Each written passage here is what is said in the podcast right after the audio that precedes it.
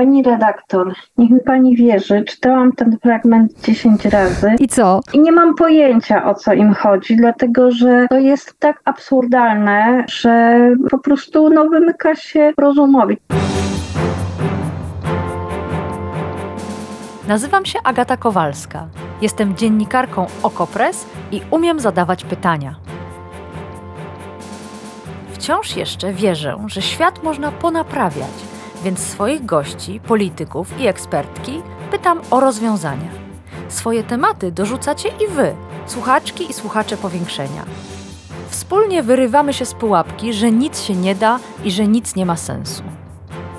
Zawsze dochodzimy do sedna. No, prawie zawsze. Zapraszam.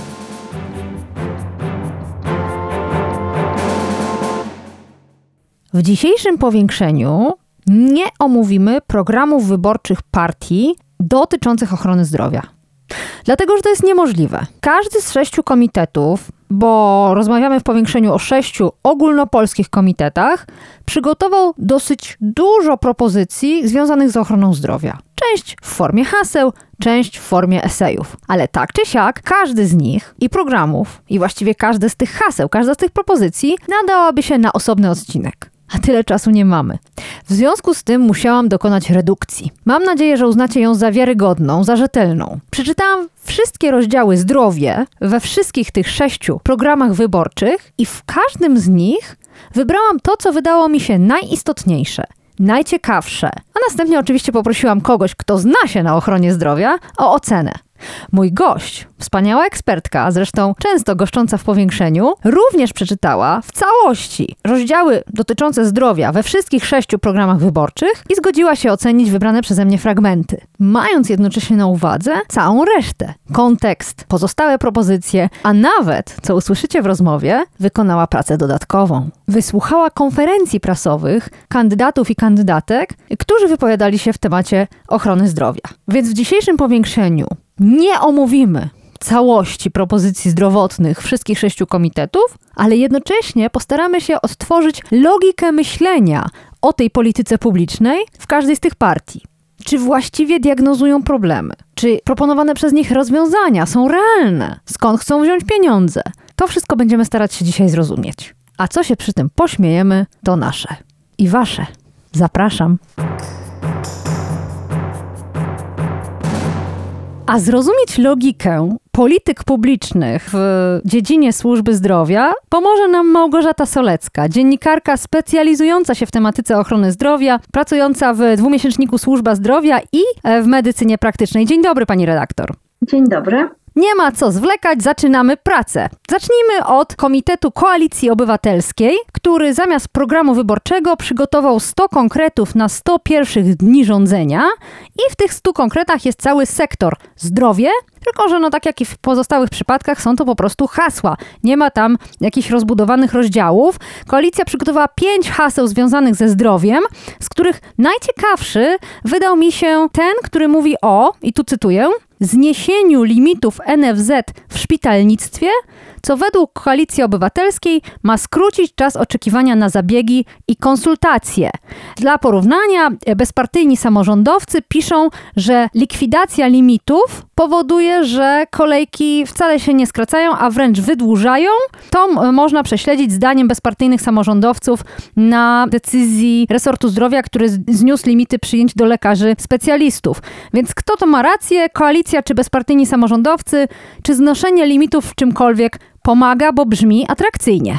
Zniesienie limitów na pewno by pomogło, tylko pytanie komu. Ja muszę powiedzieć, że z dużym zaniepokojeniem przeczytałam, wysłuchałam tej zapowiedzi o zniesieniu limitów w szpitalnictwie, dlatego że logika systemu ochrony zdrowia, każdego, nie tylko polskiego, jest taka, że jak najwięcej usług zdrowotnych powinno być realizowane poza szpitalami. I tutaj nie trzeba znosić limitów na świadczenia udzielane przez szpitale. Trzeba raczej szpitale motywować do tego, żeby tak zmieniały charakter prowadzonej przez siebie działalności, żeby pacjentów przyjmowały poza szpitalami. Nie chodzi o to, żeby operować na ulicy, tylko chodzi o to na przykład, żeby pacjenta, który wymaga poszerzonej diagnostyki nie kłaść na 3 czy 4 dni do szpitala, tylko żeby te badania realizować ambulatoryjnie, żeby pacjent przychodził, nawet jeśli nie da się ich zrealizować w ciągu jednego dnia, to żeby po prostu przychodził i miał te badania zapewnione bez konieczności hospitalizacji. Wiele zabiegów zresztą też można realizować bez konieczności kładzenia pacjenta do łóżka szpitalnego. Technologia medyczna się zmienia na tyle, że mm, po prostu takie praktyki są już normą w Europie Zachodniej. To jest tańsze i bardziej efektywne i bardziej dla pacjenta bezpieczne. Mm, Ja jestem fanką znoszenia limitów, ale pod warunkiem, że będą te usługi właściwie finansowane, bo oczywiście bezpartyjni samorządowcy mówią to samo, identyczne y, argumenty słyszę ze strony polityków Prawa i Sprawiedliwości mówiących, no proszę, myśmy znieśli limity na A, kolejki wcale nie zmalały. Problem polega na tym, że dopóki te świadczenia, te usługi nie będą wycenione bliżej stawek rynkowych, ja nie mówię, że chodzi o o to, żeby zrównać je ze stawkami rynkowymi, tak długo lekarzom, którzy przeszli do sektora prywatnego, nie będzie się opłacało pracować w sektorze publicznym i kolejki nie zmaleją. Czy bezpartyjni samorządowcy mają rację, kiedy piszą w swoim programie, że o ile formalnie resort zdrowia zniósł limity przyjęć, to kolejki do lekarzy specjalistów uległy wydłużeniu, a nie skróceniu? Mają rację? I czy aby na pewno to kwestia limitów przyjęć wpłynęła na tę sytuację? Może po prostu zaczęliśmy bardziej chorować albo chętniej chodzić do lekarzy? Na pewno jest kumulacja różnych czynników. Po pierwsze, y, spłacamy tak zwany dług zdrowotny po pandemii, więc częściej y, odwiedzamy lekarzy, przynajmniej tak się wydaje. Druga rzecz, polskie społeczeństwo się starzeje, to też generuje ruch raczej w kierunku lekarzy, również lekarzy specjalistów. Po trzecie, tak jak mówiłam, nie ma zwiększenia potencjału opieki specjalistycznej w publicznym systemie. Przeciwnie, obserwowany jest cały czas Mm. trend odwrotny. Mhm, mhm. Więc jeśli mniej e, No tak. lekarzy pracuje w systemie publicznym, ponieważ nie są zachęcani do tego, żeby pracowali, e, oczywiście są zachęcani słownie, tak, ale nie ma zachęt ekonomicznych, organizacyjnych, no to wtedy ta większa liczba pacjentów no, musi przekładać się na zwiększone kolejki. Mm, No, popyt wzrósł po pandemii, a podaż spada.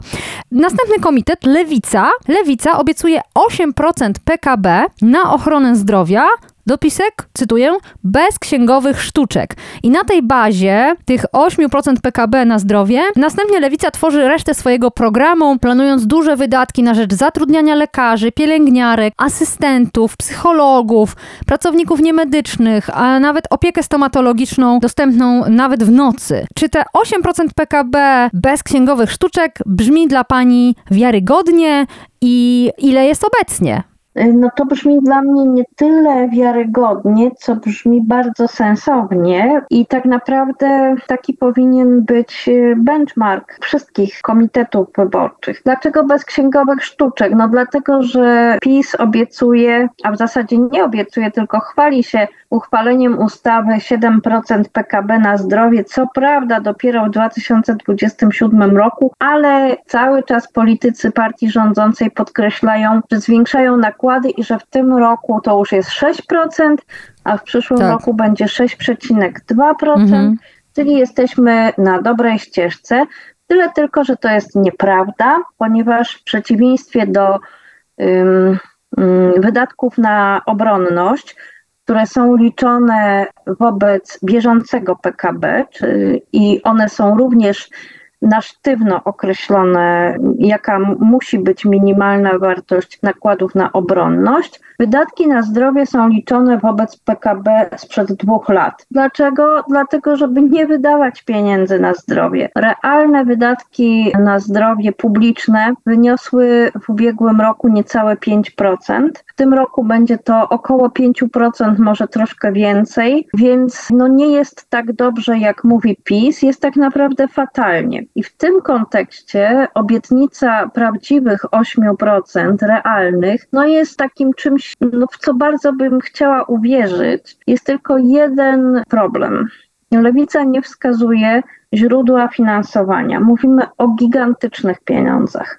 Jeśli 5% y, to jest powiedzmy 160 czy 170 miliardów złotych, musimy dołożyć do tego, żeby było 8% więcej niż połowę tej kwoty. Mhm. Skąd wziąć? Mhm. Komu zabrać? Z jakiej polityki publicznej zabrać? To jest to pytanie. No, skąd wziąć po prostu? To jest to pytanie.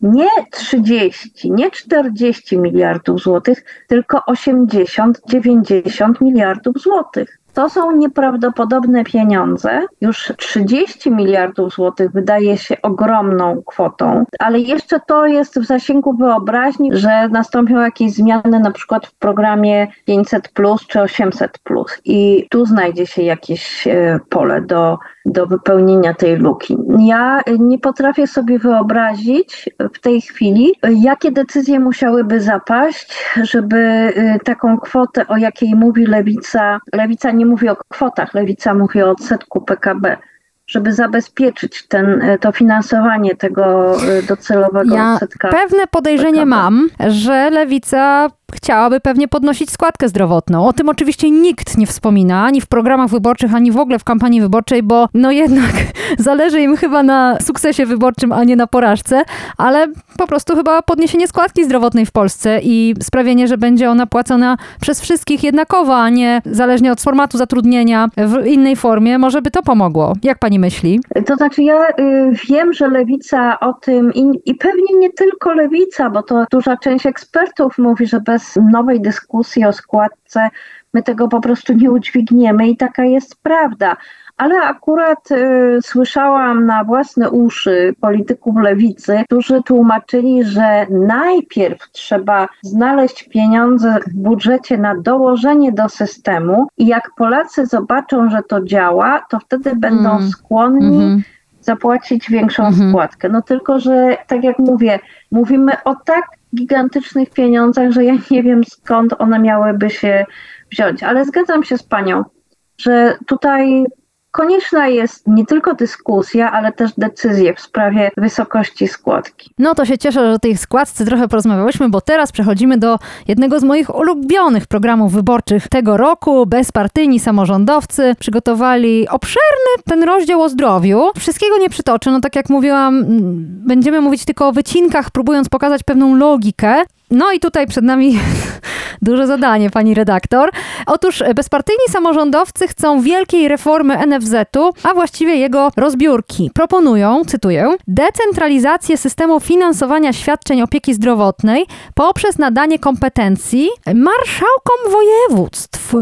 Chcą w ten sposób sprowadzić system ochrony zdrowia z poziomu centralnego na poziom samorządowy, ale właśnie na, na poziom marszałków województw. Czy pani rozumie, czy pani rozumie? To byłoby chyba moje pytanie. Tak, akurat ten fragment rozumiem. O, świetnie. To, znaczy, to, nie, to nie jest tak z niczego wzięty pomysł, bo tak naprawdę kasy chorych miały być właśnie po pierwsze regionalne były, więc w jakiś sposób to jest tożsame. Po drugie, to właśnie sejmiki wojewódzkie miały decydujący głos w sprawie y, obsady rad tych kas chorych i tam był taki element zależności. Są eksperci, na przykład były minister zdrowia Marek Balicki, ale proponował to też na przykład generał Grzegorz Gielerak, szef Wojskowego Instytutu Medycznego, żeby podzielić NFZ, jakby przywrócić strukturę kas chorych i wzmocnić samorządność przez bezpośrednie wybory członków rad tych kas. Mówią o takiej regionalizacji, również regionalizacji nie Narodowego Funduszu Zdrowia, tylko polityki zdrowotnej.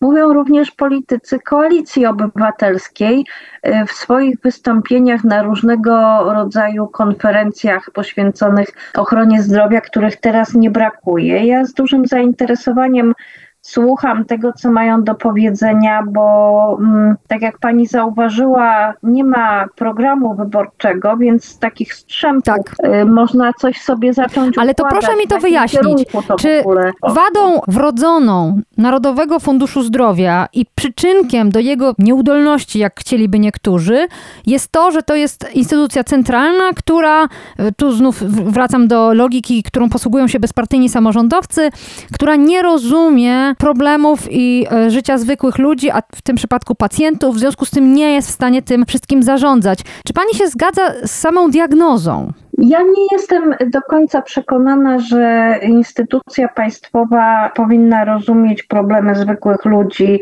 pacjentów. Od tego są inne instytucje. Od tego jest Rzecznik Praw Pacjentów, y, od tego jest Rzecznik Praw Obywatelskich. Narodowy Fundusz Zdrowia ma funkcję płatnika i poniekąd ma również funkcję organizatora przez to. To nie jest problem w tym, czy on rozumie, czy nie rozumie, tylko czy właściwie realizuje te zadania, które ma, albo też czy może je realizować. I moja intuicja jest taka, że lepiej by sobie z tym radziły jednak instytucje na szczeblu regionalnym. Pytanie jest takie, czy dokładnie o to politykom chodzi. Bo ja też nie do końca, akurat ci bezpartyjni samorządowcy są takim dość efemerycznym komitetem i e, nie mam e, twarzy, tak? Ja nie wiem, kto tam odpowiada za zdrowie, kto jest władny się wypowiadać, kogo należałoby prześledzić wypowiedzi, żeby się wgryźć w ten program i e, Koalicja Obywatelska. I Trzecia Droga też w zasadzie też mówią o tej decentralizacji, o potrzebie powrotu na szczebel regionalny. A dlaczego? Jakby pani Ja- mogła to krótko nam uzasadnić jako wprawdzie nie kandydatka w tych wyborach, ale specjalistka, dla, co, co jest miłą odmianą w tej kampanii wyborczej. E, Dlaczego ta e, regionalizacja, decentralizacja pani zdaniem jest e, słusznym kierunkiem? Jaką ona ma zaletę nad tym centralnym NFZ-em? W dobrze zorganizowanym państwie rząd centralny ustala reguły i dobre prawodawstwo jest na tyle precyzyjne, że nie pozwala na anarchię, nie pozwala na bałagan. Natomiast realizacja polityk nie musi być na szczeblu centralnym. Ona wręcz powinna być e, w imię zasady pomocniczości państwa realizowana tak nisko, jak się to da. Akurat polityka zdrowotna jest jedną z kluczowych polityk, więc raczej niżej niż na szczeblu regionalnym nie powinna być realizowana, ale nie musi być realizowana na szczeblu centralnym. Państwo odpowiada za obronność, państwo odpowiada za politykę zagraniczną. Tego regiony robić nie mogą, ale regiony mogą i powinny realizować polityki społeczne. Polityki, które mogą być lepiej realizowane na szczeblu regionalnym niż na centralnym. Powiedziała pani, że bezpartyjni samorządowcy to taki twór efemeryczny. On jest efemeryczny i z twarzy, i z wyników e, w sondażach, ale jest e, komitetem ogólnopolskim, więc mu się przyglądamy. To jeszcze jeden fragmencik z ich programu. Mówiłam obszerny, więc poświęcimy mu chwilę więcej. E, I oni tam proponują, żeby zmienić zasady wydatkowania składek zdrowotnych, naszych składek zdrowotnych. Chcą je podzielić na dwie części. 75% naszej składki będzie przeznaczana na finansowanie świadczeń na rzecz ubezpieczonego, a 25% na rzecz pozostałych świadczeń. Czy ja dobrze rozumiem, że oni postulują, żeby dostęp do ochrony zdrowia był zależny od uzbieranych składek, ile sobie uzbieram, na tyle w tym szpitalu, przychodni czy ambulatorium mnie będzie stać? Pani redaktor, niech mi pani wierzy, czytałam ten fragment 10 razy I co? i nie, nie mam pojęcia o co im chodzi, dlatego że to jest tak absurdalne, że po prostu no, wymyka się rozumowi. To jest sprzeczne z ideą ubezpieczeń jako takich.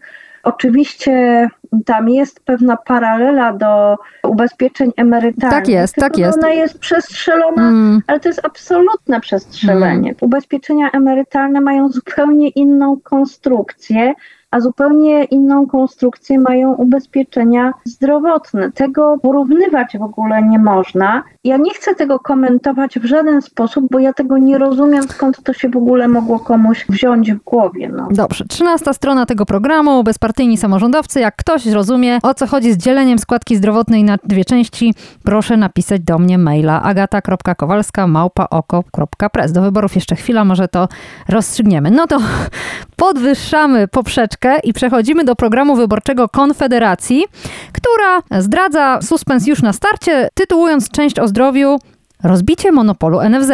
Konfederacja planuje zlikwidowanie NFZ-u. Zamiast tego chce umożliwić pacjentom dokonywanie swobodnego wyboru ubezpieczyciela, czyli ma być tu wolny rynek ubezpieczycieli i bon, który będzie podążał za pacjentem. Tyle tylko, że ubezpieczyciel nie będzie mógł nikomu odmówić zapisania się jako pacjentowi, czyli nie jest tak, że jak ktoś będzie stary i chory, to już nigdzie się nie ubezpieczy. No i oczywiście część e, pieniędzy będzie za te świadczenia płaciło państwo, ustali się koszyk świadczeń gwarantowanych. Co pani o tym pomyśle, bo jest on dla wielu wyborców atrakcyjny. Wiele osób popierających Konfederację właśnie jest przywiązana do tej części społeczno-gospodarczej, między innymi pomysłowi urynkowienia ochrony zdrowia. Ja mam kilka wiadomości. Po pierwsze, Konfederacja nie chce likwidacji NFZ-u, tylko chce dopuszczenia do ubezpieczeń zdrowotnych prywatnych firm. Politycy tej partii, wiem, słuchałam,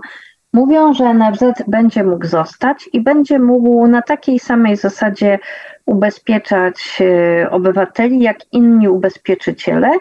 Po drugie, to nie jest tak, że państwo będzie za coś płacić. Nie, nie, nie. Chodzi o to, koszyk świadczeń gwarantowanych, taki sam, taki sam koszyk świadczeń gwarantowanych będzie musiał zapewnić każdy ubezpieczyciel, a ubezpieczyciele będą konkurować o bon zdrowotny ubezpieczonych dodatkowymi ofertami. To znaczy, przede wszystkim taką ofertą będzie dopuszczenie współpłacenia i warunki współpłacenia za różne usługi będą takim no, wabikiem ktoś będzie oferował więcej w ramach tej samej kwoty współpłacenia. Nie bywam na spotkaniach konfederacji roboczych i nie wiem, co oni dokładnie mają na myśli, tylko chciałabym powiedzieć, że te dyskusje na tematy, które oni zawierają w swoim programie, to już się odbyły. One się odbyły dwadzieścia kilka lat temu, jak były wprowadzane kasy chorych, bo wtedy się mówiło o możliwości, był nawet taki artykuł w ustawie o powszechnym ubezpieczeniu zdrowotnym, słynny artykuł 4a, który mówił o możliwości zafunkcjonowania w pewnym momencie prywatnych kas chorych, tylko on został wykreślony i nigdy się nie ziścił. Z różnych względów. No po pierwsze, dlatego, że y, składka zdrowotna była skalkulowana tak nisko, że żaden prywatny ubezpieczyciel na tych warunkach, które były dyktowane, nie wszedłby na rynek. Konfederacja przekonuje, że wszedłby, wszedłby, bo gdyby oni musieli ze sobą konkurować, to też by wymagali od szpitali i od przychodni efektywności, czyli lepszego leczenia za mniejsze pieniądze.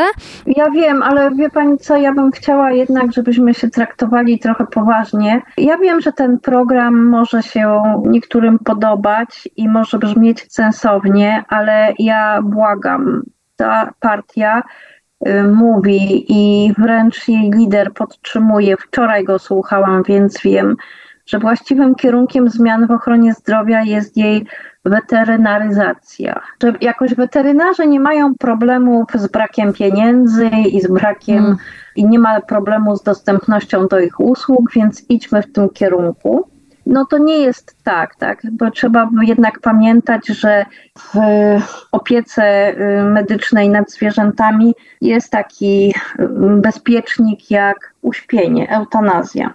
A jak się pojawia problem epidemiczny wśród zwierząt hodowlanych, to się je po prostu wybija, żeby się wirus nie szerzył. Są to metody, które są w opiece y, zdrowotnej nie do zastosowania, a to jest bezpiecznik ekonomiczny. Przy okazji może by lider Konfederacji wybrał się kiedyś na wieś i sprawdził, jak łatwo jest zaprosić weterynarza do chorej krowy albo konia. Okazuje się, że wcale nie jest to łatwe, ponieważ ryzyko leczenia dla lekarza jest większe niż zysk finansowy, ale wpisać do programu wyborczego można wszystko. Przejdźmy do trzeciej drogi, która programu nie przygotowała, tylko ma kilka list obietnic, bo jest koalicją i musiała to uzgodnić między dwiema partiami, czyli między Polską 2050 a PSL-em. I na tych listach obietnic pojawia się kilka e, haseł dotyczących ochrony zdrowia, między innymi koniec kolejek do lekarzy. Natomiast jeśli zajrzeć do programu Polski 2050 i PSL-u, bo każda z nich ma swoje osobny jeszcze program, to ta idea końca kolejek do lekarzy się powtarza, tyle tylko, że rozwiązania są różne. Polska 2050 chce podwyższać wynagrodzenia dla medyków i wprowadzić lepsze warunki pracy, żeby po prostu było im łatwiej, a PSL chce podnieść o 30% pensje pracowników ochrony zdrowia i podnieść limity przyjęć na studia medyczne. Czy tędy droga, jeśli chodzi o likwidowanie owych kolejek? Y, tak naprawdę to ja nie wiem o co chodzi PSL-owi w podnoszeniu limitu przyjęć na studia medyczne, bo one w tej chwili już są podniesione do tak nieprawdopodobnych rozmiarów, że za chwilę, i to eksperci już mówią, będziemy, no może nie za chwilę, ale za kilka lat, może za dziesięć, będziemy mieć wręcz nadmiar lekarzy. Znaczy ja uważam, że aż tak bardzo źle nie będzie, ale y, z całą pewnością y, limity na studia medyczne to nie jest problem, a ich podnoszenie to jest po prostu droga donikąd. Jeśli chodzi o podniesienie wynagrodzeń, oczywiście jest to jakaś droga pod warunkiem, że będą na to pieniądze, bo w tej chwili, wbrew temu, co mówi PiS, sytuacja finansowa i w NFZ i przede wszystkim w szpitalach, w poradniach, ale mówimy tutaj głównie o szpitalach, jest tak dramatycznie zła, że y, nie ma mowy o podnoszeniu wynagrodzeń. Najpierw musimy rozmawiać o tym, ile pieniędzy będzie w publicznym systemie, bo bez tego żadne skracanie kolejek nie będzie możliwe. No, ale tu nie wiemy, bo ani jedna, ani druga partia nie chce powiedzieć, Nie, skąd wezmą... akurat, y, akurat trzecia droga mówi y, i mówi, że to jest 7%. 7%, czyli mniej niż lewica. No tak, ale skąd? Wygląda, no też nie mówią skąd. No właśnie, No. no, no, ta, no tak, bo podają tę sumę 7% PKB rzeczywiście o punkt Tak. procentowy mniej niż lewica. Jest mowa o równej dla wszystkich składce zdrowotnej zamiast podatku, ale nie wiadomo, no znów, brak szczegółów, nie wiadomo do końca o co chodzi, więc... Tak, kompletnie nie wiem o co chodzi. Mhm, mhm. No, takie są hasła wyborcze i my potem musimy udawać, że to rozumiemy. To teraz jeszcze Prawo i Sprawiedliwość, które ma największy program wyborczy ze wszystkich partii i nic dziwnego, bo większość tego programu to przechwałki. Prawo i Sprawiedliwość chwali się tym, czego przez ostatnie 8 lat dokonało i obiecuje, że będzie ten kierunek kontynuować. Między innymi jest to, o czym pani redaktor już mówiła, czyli systematyczny wzrost nakładów na ochronę zdrowia do 7% PKB w 2027 roku. I tutaj pojawia się wiele, wiele różności, między innymi, to mnie akurat zaciekawiło, kwestia szpitali powiatowych. I te szpitale powiatowe też się przewijały przez pozostałe programy, więc miałam nadzieję, że pani nam wyjaśni, o co w tym chodzi. I tu cytat z programu wyborczego Prawa i Sprawiedliwości. Celem, ten język jest, no musicie wytrzymać to niestety, bo to jest takim językiem napisane. Celem polityki zdrowotnej państwa w aspekcie dostępności geograficznej jest utrzymanie sieci szpitali powiatowych jako lokalnych centrów diagnostyki, wyposażonych w najnowocześniejsze urządzenia. Szpitale te będą rozwijały funkcję opieki długoterminowej. Nie zamierzamy, w przeciwieństwie do Platformy Obywatelskiej, likwidować szpitali powiatowych. Będziemy kontynuować ofensywę inwestycyjną w polskim szpitalnictwie.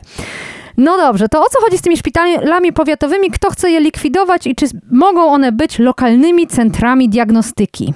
O co chodzi ze szpitalami powiatowymi w programie Prawa i Sprawiedliwości, to mniej więcej wiadomo. Chodzi o to, żeby nie przegrać wyborów, ponieważ problemy ze szpitalami powiatowymi są głównie w mniejszych miejscowościach, tam gdzie Prawo i Sprawiedliwość szczególnie mocno walczy o elektorat. I na przestrzeni ostatnich ośmiu lat, czyli nie wcale w czasie rządów Platformy Obywatelskiej, zaczęły znikać z mapy kraju nie szpitale, albo nie tylko szpitale.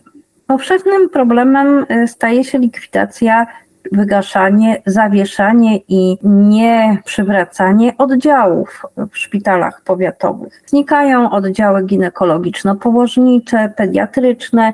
Akurat te dwa rodzaje można wytłumaczyć, ponieważ rodzi się coraz mniej dzieci, w związku z tym zapotrzebowanie na te usługi jest mniejsze. Problemem głównym jest to, że one znikają bez planu i znikają na skutek takich zewnętrznych do polityki zdrowotnej okoliczności, jak na przykład taka okoliczność, że jeden lekarz jest w wieku przedemerytalnym, na przykład ordynator tego oddziału, a pracuje z nim lekarz w wieku lat 75, 80, który w pewnym momencie mówi, że już nie będzie pracował i wtedy jest kryzys kadrowy i trzeba oddział zamknąć, bo nie ma takiej możliwości, żeby jeden lekarz zapewnił ciągłość dyżurową, zwłaszcza jak ma na przykład 63-64 lata. Zresztą 40-latek też by nie mógł pracować non-stop w szpitalu. I tych oddziałów, oddziałów internistycznych, oddziałów również chirurgii, zamyka się naprawdę bardzo dużo. Znikają głównie właśnie w szpitalach powiatowych oddalonych od wielkich miast. Bo szpitale powiatowe, które są na przykład wokół Warszawy, wokół Krakowa, wokół innych metropolii, radzą sobie, dlatego że są w stanie ściągać lekarzy z tych dużych ośrodków na dyżury, płacąc im bardzo wysokie stawki, ale mają lekarzy. Natomiast te szpitale w tak zwanej Polsce B, y, no takich możliwości nie mają. I to jest jedna Mhm, rzecz, mhm. y, o co chodzi ze szpitalami Mhm. powiatowymi. Druga, to jest to, o czym mówiłam na początku. Trend w medycynie w tej chwili jest taki, żeby pacjentów do szpitali nie przyjmować, żeby minimalizować liczbę przyjęć, żeby szpitale były wyjściem ostatecznym. I oczywiście, że tych szpitali potrzebnych jest mniej, natomiast one muszą być super nowoczesne i muszą być super uzbrojone w sprzęt i tak dalej. I są kraje, które przeszły tą drogę likwidacji szpitali małych i koncentracji leczenia w szpitalach dużych. W Polsce mówi się o tym głośno bardzo od 2018 roku. To była taka słynna konferencja ministra Szumowskiego, która trwała przez okrągły rok, bodajże wspólnie dla zdrowia się nazywała. I e, ta idea wygaszania szpitali powiatowych, a raczej zamiany ich w ośrodki opieki długoterminowej ze stosunkowo mocnym oddziałem opieki takiej podstawowej, diagnostycznej, ale też ambulatorium, no na przykład, żeby można było zszyć jakieś niewielkie rany, czy dokonać prześwietlenia, to wtedy zostało to sformułowane jako postulat, tylko że szpitale powiatowe nie przyjmują tego tak po prostu, że taka jest ich przyszłość. One raczej chciałyby utrzymać swój dotychczasowy profil, ewentualnie go w jakiś sposób wzbogacając i przedstawiają własne pomysły, na przykład, że przejmą POZ-y, przejmą całą opiekę i one będą zawiadywać zdrowiem na terenie powiatu. Nie wydaje się, żeby na to była zgoda. W związku z tym przyszłość szpitali powiatowych jest jednym wielkim znakiem zapytania. Hmm. Pani redaktor, przyjrzałyśmy się pokrótce sześciu różnym programom wyborczym, fragmentom poświęconym zdrowiu, a właściwie fragmentom fragmentów poświęconych zdrowiu. Jak pani ocenia, kto sobie poradził na poziomie merytoryki, faktów? Rozumiemy logikę wyborczą, rozumiemy, że tu muszą być często hasła, obietnice, mm, takie rzeczy, które trafiają do wyobraźni wyborcy, ale który z tych komitetów uważa pani jakoś najlepiej odrobił lekcję, a który jakoś szczególnie panią zdegustował? Ja chyba nie chciałabym odpowiadać na takie pytanie, żeby szeregować e, te komitety, które sobie poradził, a które sobie nie poradził. Mam taką refleksję natury ogólnej, że żaden z komitetów nie przedstawił całościowej, kompleksowej i jednocześnie realnej, opartej na faktach, na danych, recepty na sytuację w ochronie zdrowia. Przyjrzałam się innym obszarom, na przykład edukacji, Mhm. i tam pomysłów na rozwiązanie problemów, które są oczywiście inne. One mają części wspólne, ale są różne od y, problemów ochrony zdrowia. Tam pomysłów sensownych jest więcej. Tutaj ten obszar jakby by- był dla polityków zbyt trudny, co też nie jest dla mnie żadnym newsem, bo No to jest trudny obszar. Tak? No jasne. I i wiadomo, że tutaj sparzyć się jest niezwykle łatwo, a tak naprawdę to chyba żadnemu rządowi nie udało się nie sparzyć na y, systemie ochrony zdrowia. Więc ja oceniam te programy wyborcze, no nie powiem, że jednakowo źle. Ja jestem po prostu może nie zdziwiona, ale mimo wszystko rozczarowana tą jakością oferty dla zdrowia i dla pacjentów. Zwłaszcza, że politycy muszą mieć świadomość, że w niedalekiej już przyszłości czekają nas tak wielkie wyzwania, że ten brak oferty to jest równoznaczny z poddaniem się, czyli że nie będziemy mieć systemu, albo ten system będzie już y, tak skrajnie niewydolny, że pacjenci nie będą mogli liczyć na pomoc w ramach publicznej ochrony zdrowia. No ale sama to wielokrotnie pani mówiła też w powiększeniu, że resort zdrowia to najtrudniejszy resort w całym rządzie i zgodziliby się z panią politycy od prawa do lewa. To nie jest łatwa teka, więc tym bardziej trudno jest przedstawić coś sensownego i to jeszcze w, właśnie w czasie kampanii wyborczej, kiedy i politykami, i wyborcami, że- i dziennikarzami, i mediami rządzi logika szaleństwa politycznego, a nie próby mm, rozwiązania problemów, więc mm, może nasze wymagania, pani redaktor, są za wysokie e, względem takiego dokumentu, jakim jest program wyborczy i o służbie zdrowia czy ochronie zdrowia lepiej rozmawiać dopiero po wyborach. Tak, ja się z tym zgadzam. Znaczy ja cały czas mam nadzieję, bo też nie ukrywam, że y, jestem nie tylko dziennikarzem, ale i obywatelem, więc mam swoje typy wyborcze i wiem na kogo będę głosować, więc ja mam cały czas mam nadzieję, że po wyborach, a tak naprawdę nie po wyborach, tylko w momencie, kiedy będzie konstruowany rząd, okaże się, że jest możliwa poważna y, dyskusja i przede wszystkim, że jest szansa na poważne, dobre decyzje, bo to jest, y, to jest w tej chwili kluczowe. Małgorzata Solecka, dziennikarka medycyny praktycznej i dwumiesięcznika Służba Zdrowia. Bardzo dziękuję za ten trudny kawałek chleba, jakim jest połączenie tematów zdrowotnych z tematami wyborczymi. Dziękuję. A Wam wszystkim dziękuję za wysłuchiwanie powiększenia, za wszystkie maile i za wspieranie Okopres, bo przecież to dzięki Wam, dzięki Waszym wpłatom możemy utrzymywać całą redakcję, portal, podcast, program polityczny, a nawet zorganizować wieczór wyborczy. Tak, tak. 15 października idziemy na wybory, idziemy zagłosować, a potem po 21 siadamy i zaczynamy się dowiadywać, na kogo żeśmy właściwie zagłosowali. Okopres też przygotowuje dla Was wieczór wyborczy, więc zaglądajcie na nasz portal. Ja też oczywiście przygotowuję specjalny odcinek powiększenia. Jeśli macie jakieś sugestie, kogo byście na przykład chcieli usłyszeć w tym specjalnym powyborczym podcaście, czyli komentarz, przede wszystkim chcielibyście usłyszeć w poniedziałkowy powyborczy poranek, zachęcam do sugestii. Naprawdę chętnie wezmę je pod uwagę. agata.kowalska małpa oko.press. Czekam na wasze głosy i jeszcze raz dziękuję, że słuchacie powiększenia, zwłaszcza tych odcinków poświęconych politykom publicznym i programom wyborczym. Tak jak mówiłam poprzednio, uważam, że dzięki nim nie tylko dowiadujemy się czegoś więcej o startujących komitetach, ale przede wszystkim możemy podyskutować o Polsce, o tej jaka jest przed wyborami, po wyborach i w trakcie. Dziękuję Wam serdecznie i do usłyszenia do następnego odcinka. To było Powiększenie, podcast Agaty Kowalskiej. Produkcja Bartosz Weber. Powiększenie znajdziesz na stronie Okopres i w Twojej ulubionej aplikacji do podcastów. Masz pomysł na temat albo komentarz? Napisz do mnie agata.kowalska małpaoko.press Stałych darczyńców zapraszamy na grupę Okopres na Facebooku Twoja okolica. Tam też toczymy dyskusje o świecie i o podcaście. Dziękujemy za Wasze wsparcie.